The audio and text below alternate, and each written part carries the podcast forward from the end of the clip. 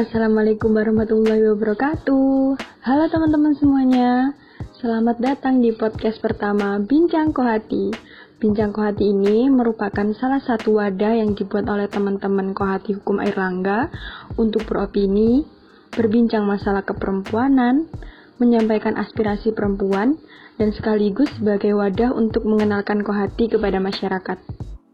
Oh ya teman-teman, kenalin nama aku Cindy Tatia Amalia bisa dipanggil Cindy.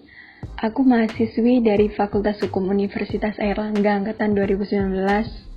Dan di Kohati ini aku sebagai kepala bidang eksternal Kohati periode 2020-2021. Nah, di podcast premier Bincang Kohati kali ini kita kedatangan Mbak Sigma nih.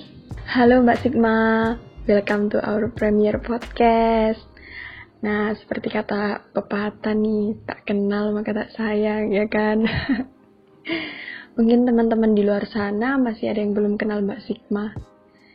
Yuk kenalan dulu ya Mbak Sigma. Gimana sih Mbak Sigma itu orangnya?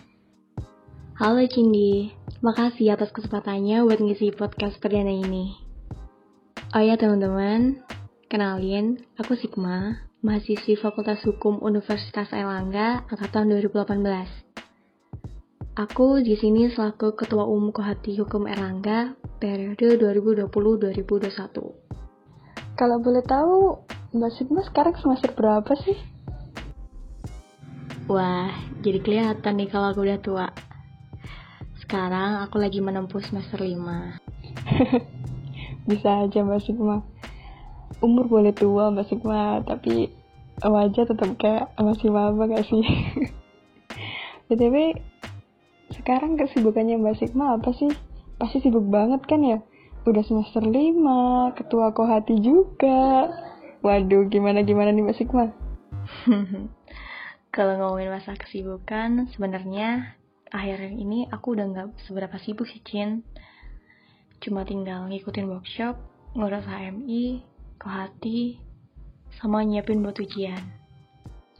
Wah, semangat-semangat Mbak Sigma. Semoga ujiannya dilancarkan dan dapat nilai yang memuaskan.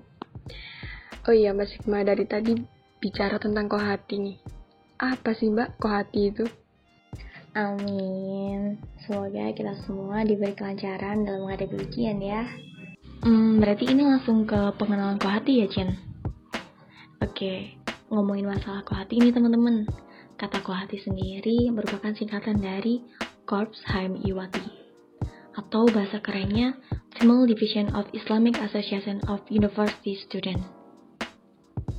Kohati merupakan badan khusus yang bersifat semi-otonom dari sebuah organisasi mahasiswa ekstra kampus, yakni Himpunan Mahasiswa Islam atau yang dikenal dengan HMI.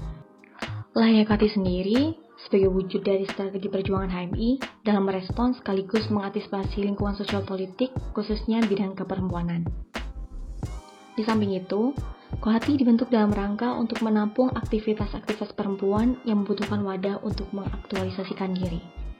Oh gitu. Tujuannya Kohati sendiri buat apa sih mbak? Kalau boleh tahu?